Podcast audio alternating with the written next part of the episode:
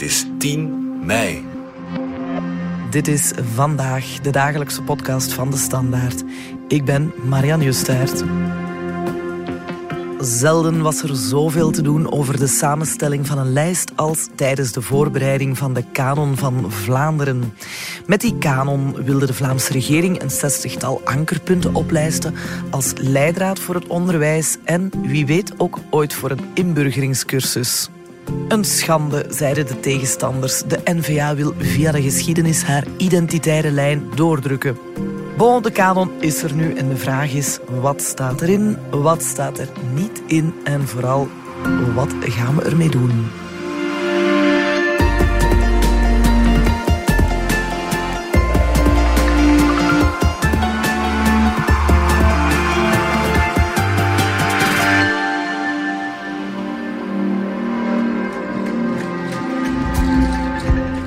Is er eindelijk de kanon van Vlaanderen.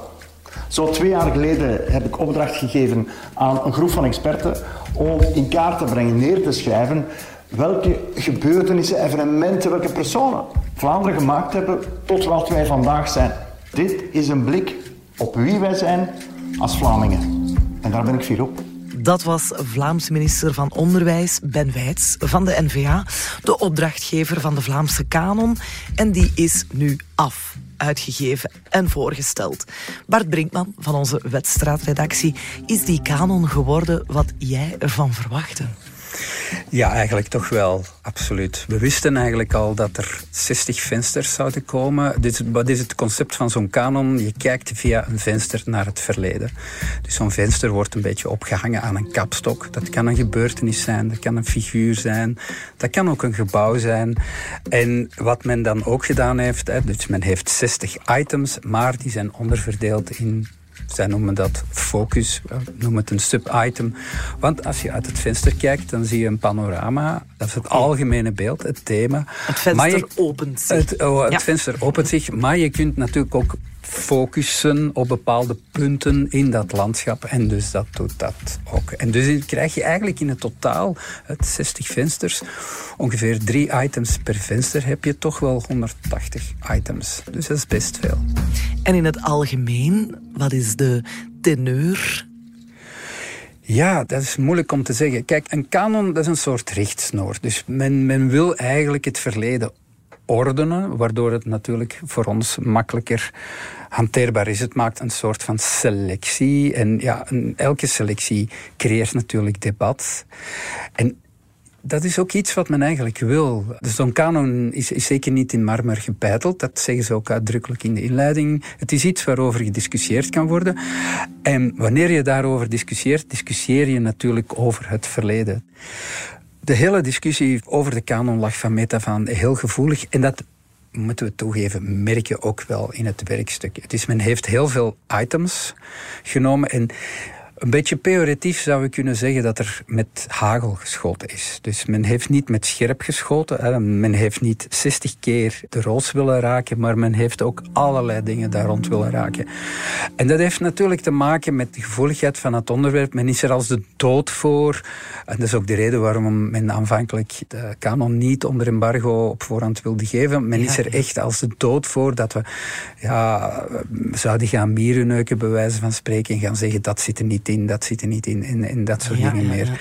Maar het is alles bij elkaar een vrij academisch werkstuk geworden en de taal is ook heel zakelijk. Het is zeker niet strijdend of enthousiasmerend of begeesterend. Het is gewoon een sober, academisch, heel ja, degelijk Dat heeft dan mogelijk te maken met de samenstellers ervan. Absoluut, ja. De kanon is samengesteld door een eh, commissie. Ja. Wie zat daar allemaal in? Daar zaten eigenlijk ook alleen maar academici in, dus allemaal slimme uh, mannen en vrouwen. De commissie werd geleid door Emmanuel Gerard, dat is een professor emeritus van de Universiteit van Leuven. Die heeft in het verleden al wel wat tussen aanhalingstekens politieke opdrachten tot een goed einde gebracht. Hij zat onder meer als specialist in de Lumumba-commissie, die net na de mm eeuwwisseling de moord op Lumumba heeft onderzocht. Het is iemand die ervaring heeft met politieke... met adelbrieven. Enfin, dat klinkt dan ook weer pejoratief en dat hoort hij niet graag, maar hij heeft contacten met de politiek. Hij weet hoe de politiek werkt. Hij heeft ook die commissie samengesteld. Dat viel wel een beetje op. Naast hem zat daar maar één historicus in, Jan Dumoulin van de Universiteit van Gent.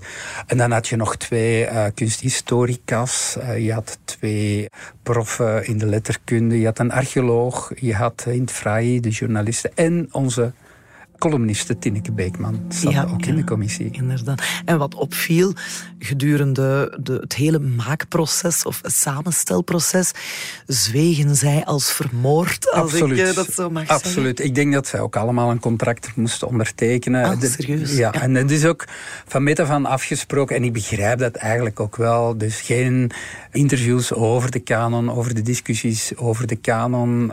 Dus zij moesten echt wel zwijgen en ze hebben zich daar denk ik, heel goed aan gehouden. Want bij mijn weten, buiten het feit dat er 60 vensters zouden komen, is er... Uh, denk ik, niks uitgelekt. Niks uitgelekt. Nee, en dat is inderdaad uitzonderlijk En wat er iets, uitlekte, politiek... staat er wel in. ah, oké. Want men had beweerd dat er uh, geen woord over FC de kampioenen zou instaan.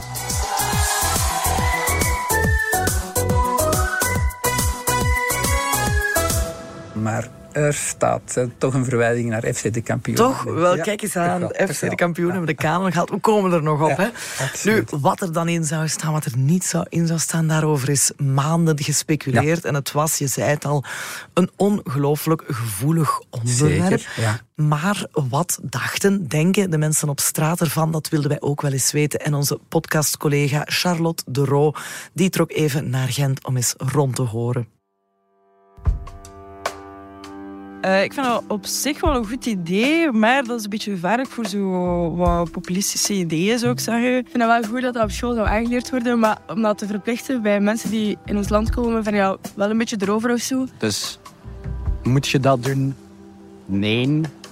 Heeft dat zijn voordelen? Waarschijnlijk wel. Allee, het hangt er allemaal vanaf hoe dat ze de geschiedenis um, gaan tentoonstellen en vooral of ze het voor allee, de, alle kanten tonen of het echt een, gewoon een eenzijdige um, verheerlijking wordt van de Vlaamse geschiedenis. Ik vind dat wel goed dat dat er komt eigenlijk. Ik vind dat wel een goed idee.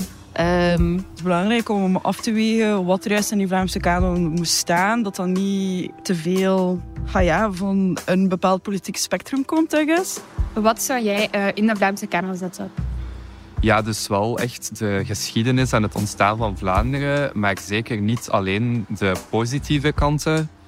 En dus ook de dingen waar we als Vlaanderen, uh, als Vlamingen minder positief en fier moeten op zijn.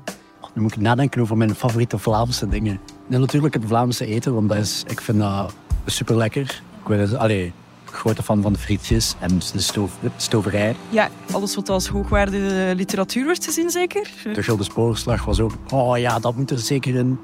En ja, dat is wel interessant om te hebben. Ik denk ook... Allee, de Tweede Wereldoorlog en welk... Allee, en de Eerste Wereldoorlog ook gewoon welk deel dat wij daar hebben ingespeeld. Ja, gebeurtenissen. Ik denk gelijk, ja, die belangrijk zijn voor Vlaanderen. Maar ja, dan is ook de vraag, wat, wat is Vlaanderen?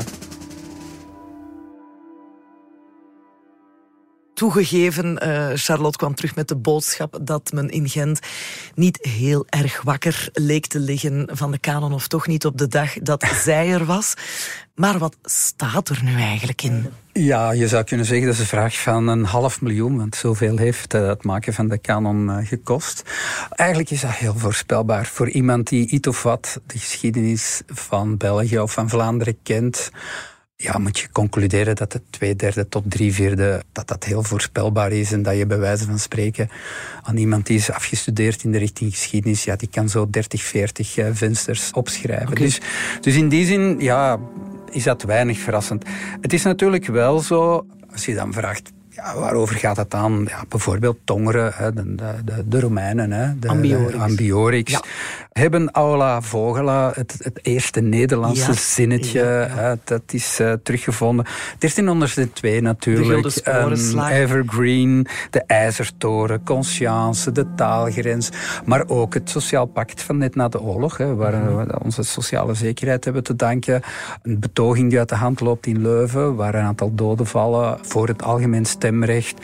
De pil, het homohuwelijk. Ja, je, je Ja. kan bezig Ja, dat is blijven. heel breed is- natuurlijk, is, Ja. is heel breed. Ja. Een opmerking die ik kan maken is dat een aantal vensters, namen van vensters, wel zeer abstract zijn. Bijvoorbeeld, op een bepaald moment gaat het over de verdwenen zwinhavens. Oké, het Zwin ken ik, maar... Het Zwin, ja. en dan gaat het eigenlijk natuurlijk over Brugge, omdat Brugge lag vroeger niet helemaal aan de zee, maar was mhm. via kanalen en rivieren verbonden met het Zwin, waar de monding was. En nu, natuurlijk, de hele handel van Brugge speelde zich daar af. En dus het hele uh, bruggedeel, met alles wat erbij komt kijken, het ontstaan van de beurs en, en, en de lakenhandel en dat soort dingen meer, zit onder die kapstok. Dat is een, toch een, vond ik iets of wat abstract. Maar goed, er zitten ook dingen in, en dat is denk ik zeer aangenaam, die echt wel verrassingen zijn. Bijvoorbeeld de kookboek van de Boerinnenbond. Hey. Ja, wat ik zeer terecht vind, omdat je als, je, als je weet wat voor invloed dat kookboek heeft gehad, eh, over dat kookboek valt er al een geschiedenis te schrijven. Ook, maar ook hoe zo'n ding multicultureel wordt. Hè. Er komen migranten in België wonen en werken en leven. Die nemen hun eetgewoontes mee. En vroeg of laat verzeilen die eetgewoontes in een kookboek. En staan er ook zo culinaire zaken in? Nee, dan moet ik u een beetje teleurstellen. Echt culinaire geen zaken. Wafels, geen eh, wafels, mosselen, geen eh, mosselen met bloemkool in bechamel Zeker niet, zeker niet. Wat er ook in staat, bijvoorbeeld de Oostakkers gedichten van Hugo Claus is ook een venster. Ja, en Omdat het heel vernieuwend was op vlak van, van, van literatuur. En, en dat zal zeker een aantal Vlaams nationalisten plezieren, ook Jacques Brel is een venster. Dan juicht mijn land, mijn vlak land.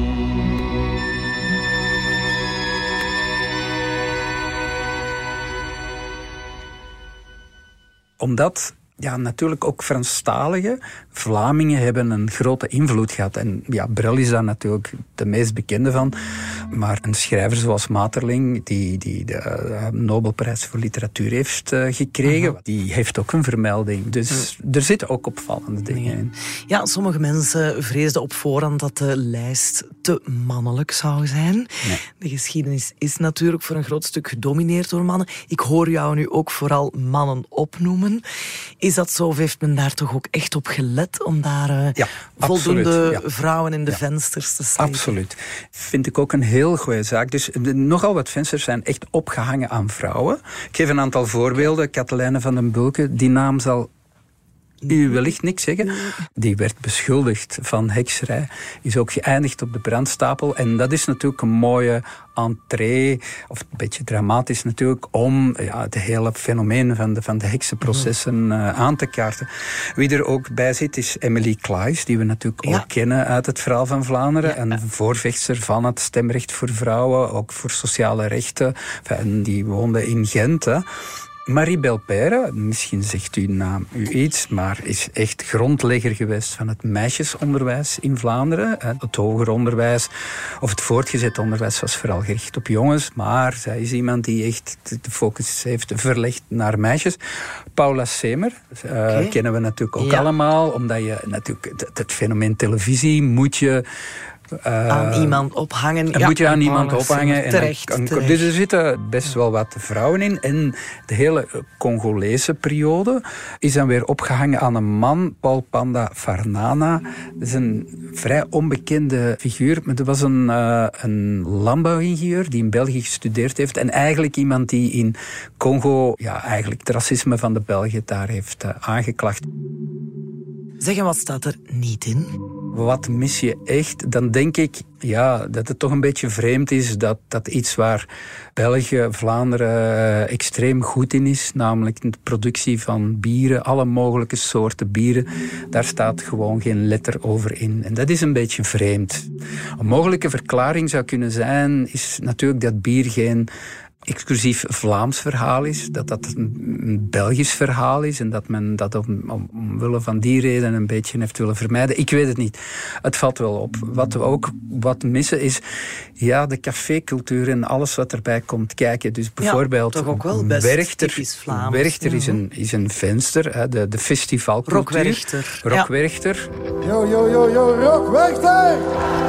Dat is lang geleden, dames en heren. Je hebt er zin in om nog eens vier dagen het beste festivalcultuur, de, tot zelfs de, de jongerenhuizen en zo wordt er dan in ondergebracht, jongerencultuur. Maar dus de cafécultuur met daar, ja, met biljart bijvoorbeeld. We hebben net een wereldkampioen, het is weliswaar snoeker, maar we hebben ook Raymond Keulemans, wereldkampioen biljart. Uh, goed, het is niet de bedoeling dat er nog levende mensen in de kanon terechtkomen, maar goed, biljart, kaarten, dat soort dingen meer. De duivenmelkerij krijgt geen enkele vermelding. Dus er, daaraan voel je dat het toch vrij academisch van opzet is en dat je toch dingen die zeer Vlaams zijn, maar misschien... Ja, en oud genoeg allicht. Ja, en oud genoeg, maar misschien wat aan het wegdeemsteren, ja. Eh, dat, dat je die daar niet in terugvindt. Oké. Dat is dan wat politieker... Uh, wat, wat, wat ook een beetje vreemd is, geen woord over de koningskwestie. Je zou kunnen zeggen, ja, dat is natuurlijk een Belgisch fenomeen, maar ja, de koningskwestie heeft het land toch bijna op de rand van een burgeroorlog gebracht. Dus valt echt niet te minimaliseren. En in het, ja, een beetje in de, de slipstream, de komst van partijen ook, uh, opkomst van extreem rechts, krijgt uh, helemaal geen aandacht. Zijn ze echt helemaal van weggebleven? Ja, daar zijn ze helemaal van weggebleven. En is dat dan omdat het te gevoelig ligt? Of ik weet het eigenlijk niet. Dus, dus, dus het is een beetje vreemd dat er geen aandacht is voor de partijen. Ja, ik zeg nu niet dat je aandacht moet hebben voor de particratie als exclusief Vlaams uh, fenomeen. Dat zou misschien wat overdreven zijn. maar maar, maar de, de, hele, ja, de hele context van, van hoe het partijlandschap zich ontwikkeld heeft na de oorlog, hè, waarbij dan toch de nasleep van die oorlog toch een grote rol heeft gespeeld, krijgt geen aandacht. Terwijl dat, dat wel het geval is voor de nasleep van de Eerste Wereldoorlog. Ja, ja ja, rare kronkels in elk geval. Laten we ons nog eens heel even terugkijken naar de totstandkoming van die kanon. Is heel moeilijk gelopen. Hè? Het was een uh, turbulent maakproces. Ik heb een kleine quiz voor jou om te beginnen. Van wie is de volgende uitspraak? Geschiedenis laat zich niet kanoniseren tot absolute en eeuwige waarheid een officiële versie van het verleden opleggen als dienstmaagd voor het politieke heden is typisch voor totalitaire regimes. Dat is Bart de Wever. Ah, jij weet dat. ik had het kunnen weten. Maar dat is wel Bart de Wever toen hij nog geen voorzitter van de NVA was. Hij was zeker politiek actief, maar hij verdiende zijn centen toen nog als assistent aan de Universiteit van Leuven. En dan kijk je anders tegen de dingen aan. Zo gaat dat. Absoluut. Inmiddels zou de uitspraak van Bruno de Wever kunnen komen, zijn broer. Want dat is wel een van de ja, felste critici van het hele project, al van in het begin. Mhm. We horen hem hier even op de VRT. We hebben een NVA die zeer sterk een identitaire lijn heeft en die die Vlaamse identiteit wil gaan uitbouwen en blijkbaar geschiedenisonderwijs als een, eh, instrument wil gebruiken en dus geschiedenis als dienstmeid gebruikt voor haar politiek project. Zo uit de straat, het ruikt echt naar mottenballen. Dat is inderdaad zo. En er kwam sprake van de kanon in, in de nota die Bart de Wever, uitgerekend Bart de Wever, had geschreven in de aanloop van de formatie voor de Vlaamse regering in 2019. En dan was het echt bedoeld, en ik citeer even, om het identiteitsbesef van de jongere generatie te bevorderen. Ja, dat creëert natuurlijk al meteen een bepaalde context. Hè. Dus hij wou een lijst van ankerpunten uit onze Vlaamse cultuur en geschiedenis die Vlaanderen als Europese natie typeren en die onze leerlingen op school en in onze inburgeringscursies moeten kennen. Dus de, de lat lag meteen hoog. Moeten toegeven dat dat dan wel een beetje is afgezwakt in het, in het bestuursakkoord. Die moeten is mogen geworden. Dus ja, je moet het niet meer kennen, maar je mag het wel kennen. Het is meer een bron van inspiratie en dat soort dingen meer. Bij de uiteindelijke opdracht van, want ondertussen zat dat bij Ben Wijts, minister van Onderwijs, dus niet meer bij cultuur, bij uh, Jan Jambon. Dan werd er duidelijk gezegd van, kijk, één, het mag niet de bedoeling zijn dat het hele werkstuk naar een bepaald doel toewerkt. Met andere woorden, dat je allerlei ankers gaat zoeken of vensters gaat openen die uiteindelijk eindigen bij die Vlaamse nazistaat. Dus dat was zeker niet de bedoeling. Er werd ook uitdrukkelijk gezegd dat het ook niet de bedoeling was om identiteitsbevorderend te werken. Dus men had ondertussen wel door dat er zodanig veel kritiek was en dat men uiteindelijk ook geen commissie zou vinden die zich wilde inschrijven in zo'n identiteitsbevorderend project, dat men dat heeft losgelaten. Dit past vooral in onze ambitie om zonder complexen, zonder schroom, maar ook zonder taboes, terug te blikken op onze eigen geschiedenis, op die gebeurtenissen die vandaag maken uh, dat wij Vlaanderen zijn. En dat sommigen dan in een kramp schieten, ja, dat laat ik voor hun rekening. Wij doen dit in alle openheid. Dit is ook in alle onafhankelijkheid gebeurd. Nu, ondanks die uh, opdrachtomschrijving en het werk van de commissie bleef er kritiek komen. Eind vorig jaar schreef een groep van historici en andere academici een uh, ja, toch redelijk vernietigend pamflet. Een van de initiatiefnemers was geschiedenisprofessor Jo Tollebeek van de KU Leuven. We horen hem hier op Radio 1 in november 2022. Wel, het probleem daarmee is dat je natuurlijk een soort van, uh, ja, een soort van politieke instrumentalisering van de geschiedenis krijgt. Hè. Dat is een zware term natuurlijk, maar eigenlijk wat er gebeurt is dat de politiek, uh, de Vlaamse regering en, en, in eerste instantie de NVA, die dat idee van Vlaamse kanon al, al veel langer had. Hè. Het is ook de NVA die dat in het regeerakkoord heeft, uh, heeft binnengebracht, dat die de geschiedenis willen gebruiken voor politiek doeleinden.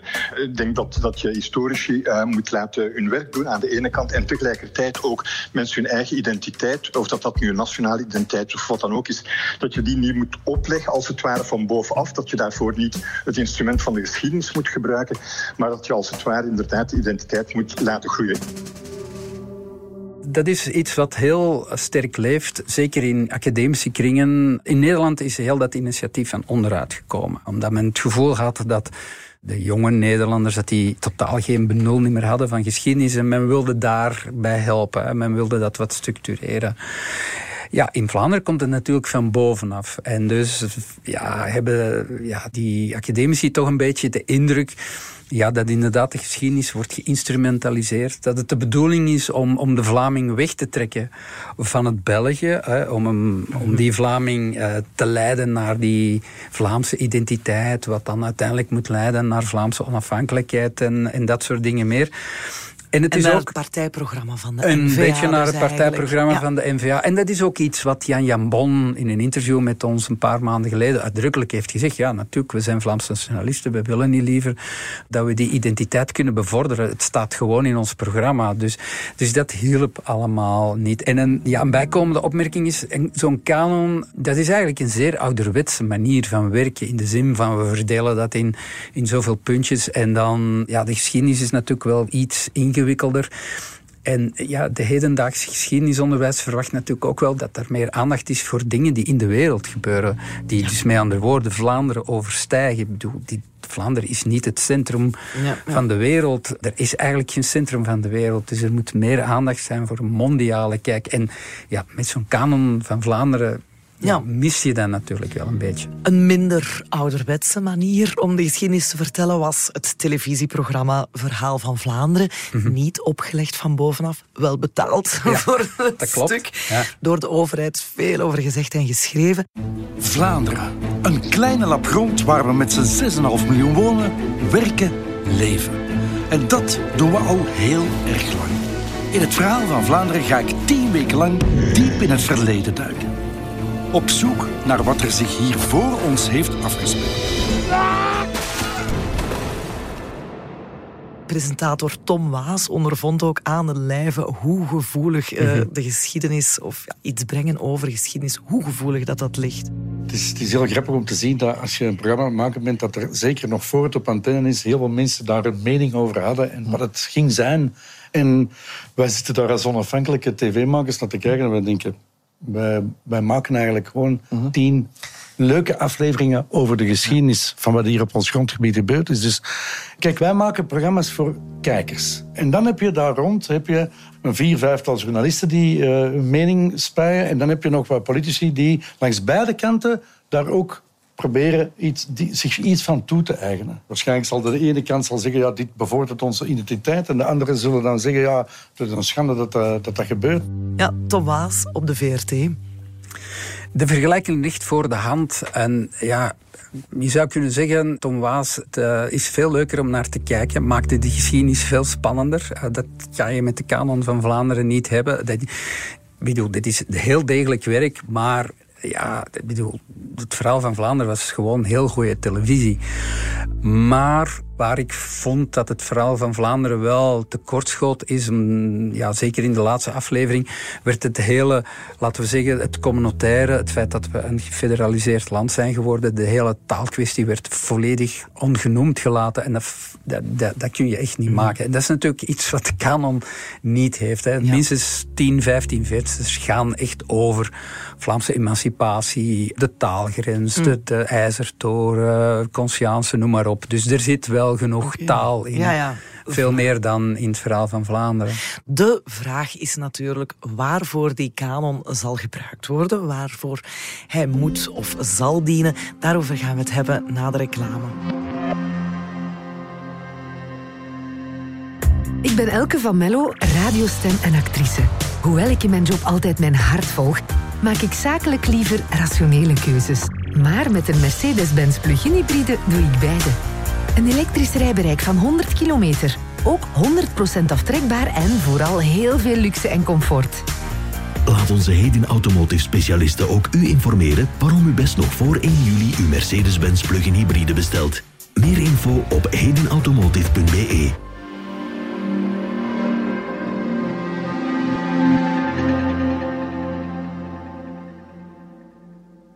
Het wordt helemaal niet verplicht. Het is gewoon een aanbod dat we formuleren aan leerkrachten geschiedenis, maar evengoed Nederlands, aardrijkskunde, kunsten.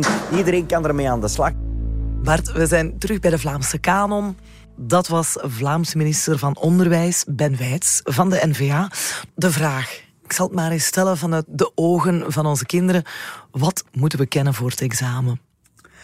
Wel, ik, ik, ik, zou die vraag genuanceerd willen, willen beantwoorden. Ik heb twee kinderen en één daarvan heeft uh, geschiedenis gestudeerd. Ik zou toch graag hebben dat ze daar min of meer in mee zijn. Uh, met andere woorden, ik denk dat zo'n kanon echt wel kan helpen om uw eigen geschiedenis te leren kennen. Dat, dat, dat staat los van de didactische opmerkingen of, of zelfs de politieke opmerkingen die je kan maken. Als je gewoon als burger als, als ouder daar naar kijkt, dan kan dat helpen. Dat is natuurlijk niet de ultieme vorm, dat is niet de enige vorm. Het is een handleiding in een, in, in een massa gebeurtenissen uit het verleden. En natuurlijk, Vlaanderen bestond niet in de 17e eeuw. Vlaanderen bestond ook niet in de 10e eeuw. Vlaanderen is een concept dat pas uh, in de 19e eeuw een ingang vond. Maar eigenlijk doet het er dan niet toe. Het beleven op de plek waar vroeger andere mensen leefden en die allerlei dingen uh, beleefd hebben. Dus het is iets van, ja, goed, het mag. Maar er moet niks. Uh, dit is geen verplichte kost bij de inburgeringscursussen, ja. zoals wel eerst gepland was, maar dat heeft men ja, laten varen. Dit is ook niet bedoeld om de eindtermen te vervangen in het onderwijs. Daar is wel schrik voor, omdat dat in Nederland wel gebeurd is. Hè. Daar heeft de Kamer toch stilaan toch een beetje de eindtermen vervangen. Dus hier is dat niet de, bedoeling, de bedoeling. Maar goed. Wat vinden de leerkrachten geschiedenis ervan? De tegenstanders van de kanon noemden het op voorhand een belediging voor uh, historici. Die zeggen, zij kennen hun vak wel, zij hoeven helemaal geen opgelegde handleiding te krijgen. Best is dat ze een brede referentiekader aanbieden aan studenten. Maar als je, het, als je het bekijkt als een opgelegde handleiding, dan begrijp ik hun kritiek. Uh, het is niet zo bedoeld, maar natuurlijk, het heeft een soort, er gaat wel een zekere autoriteit van uit. Hè. Het is uh, betaald door de overheid, er hebben academici hard aan gewerkt. Dus, dus het is niet zomaar een, een gevulgariseerd werkje of zo. Dus, uh, dus ik, ik begrijp dat wel, maar het, volgens mij is het ook iets waar, waar leerkrachten inspiratie kunnen uitvinden. En het, het, zeker het boek zal ongetwijfeld, of krijgt ook een vertaling naar het internet, waar er 10 eh, tegen 1 nog veel meer informatie komt zal... Website er komt een website waar veel meer informatie... Dat zie je ook in de Nederlandse website. Er worden allerlei trips voorbereid of aangeboden. Dus in die zin, dat staat trouwens ook in de inleiding van het boek, heeft het ook een toeristisch effect. Nederland is hier nu al een paar keer gevallen. Onze collega Charlotte kwam in Gent ook toevallig eigenlijk maar een aantal Nederlandse mensen tegen die natuurlijk het concept wel kenden. En zij zeiden er het volgende over. Wat ik heel mooi vind aan de Nederlandse kanon is dat het een heel goed overzicht geeft van de geschiedenis van je land. Maar de kanttekening die wel geplaatst wordt, tenminste nu in Nederland, is, is die wel inclusief genoeg? Het is een stukje levende geschiedenis. Uh, wat altijd, altijd door blijft gaan en waar je dan naar kunt kijken, waar je jezelf in kunt herkennen. Weten waar je vandaan komt, waar je naar heen gaat. Het geeft een stukje identiteit. Die inclusiviteit is inderdaad daar ook heel erg belangrijk in. Maar je moet ook niet vergeten dat ook een tijd niet inclusief is geweest. Dat zijn ook belangrijke facetten van, van je geschiedenis en dus ook van je cultuur. En dat vind ik dus nu heel mooi dat, dat er aan toegevoegd wordt. En ook steeds meer. Dat bijvoorbeeld Alette Jacobs is aan toegevoegd. En uh, de Kom, uh, verzetsstrijder van 1945. En ik denk dat dat wel heel belangrijk is. Dat het niet een statisch iets is. Maar dat er altijd gekeken wordt van... hé, hey, wat is eigenlijk uh, belangrijk geweest in onze cultuur? Want het perspectief, hoe je terugkijkt naar je geschiedenis en je cultuur... wordt daar natuurlijk... Ja, dat verandert altijd. Wordt die mening breed gedeeld in Nederland? Ja, toen ik dit hier allemaal voorbereidde, ben ik even gaan surfen. En bijvoorbeeld bij de voorstelling van de hernieuwde kanon was er eigenlijk heel weinig eh, media-aandacht voor. Dus het bestaat ook al sinds 2006, dus al een hele tijd. Het is zo, ja, in Nederland hield men veel minder zwaar. Uh, zijn er geen grote debatten nee. uh, daarover. Is er een bredere nationale trots? Ja, maar de Nederlandse kanon is ook een stuk soberder. Is, is uh, beknopter, 50 vensters. Dat is toch wat anders van opzet. En dat vind ik wel nog een leuk om te vermelden. Het laatste venster in Nederland is het oranje gevoel. Ongetwijfeld. Maar eigenlijk vind ik dat goed gevonden. Omdat dat land staat op zijn kop als die Nederlandse ploeg voetbalt. En wij vragen ons dan af, wat is er in die Nederlanders gevaren om zo idioot te worden tijdens een WK of een EK? Ja.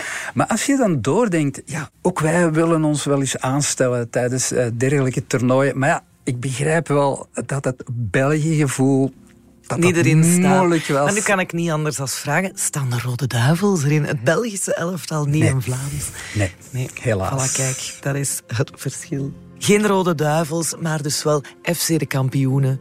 De voetbalcultuur zit er dan toch nog een heel klein beetje in. Zeker, mijn gedacht. Bij gedacht. Dankjewel, Bart Brinkman. Graag gedaan. Dit was vandaag de dagelijkse podcast van De Standaard. Bedankt voor het luisteren.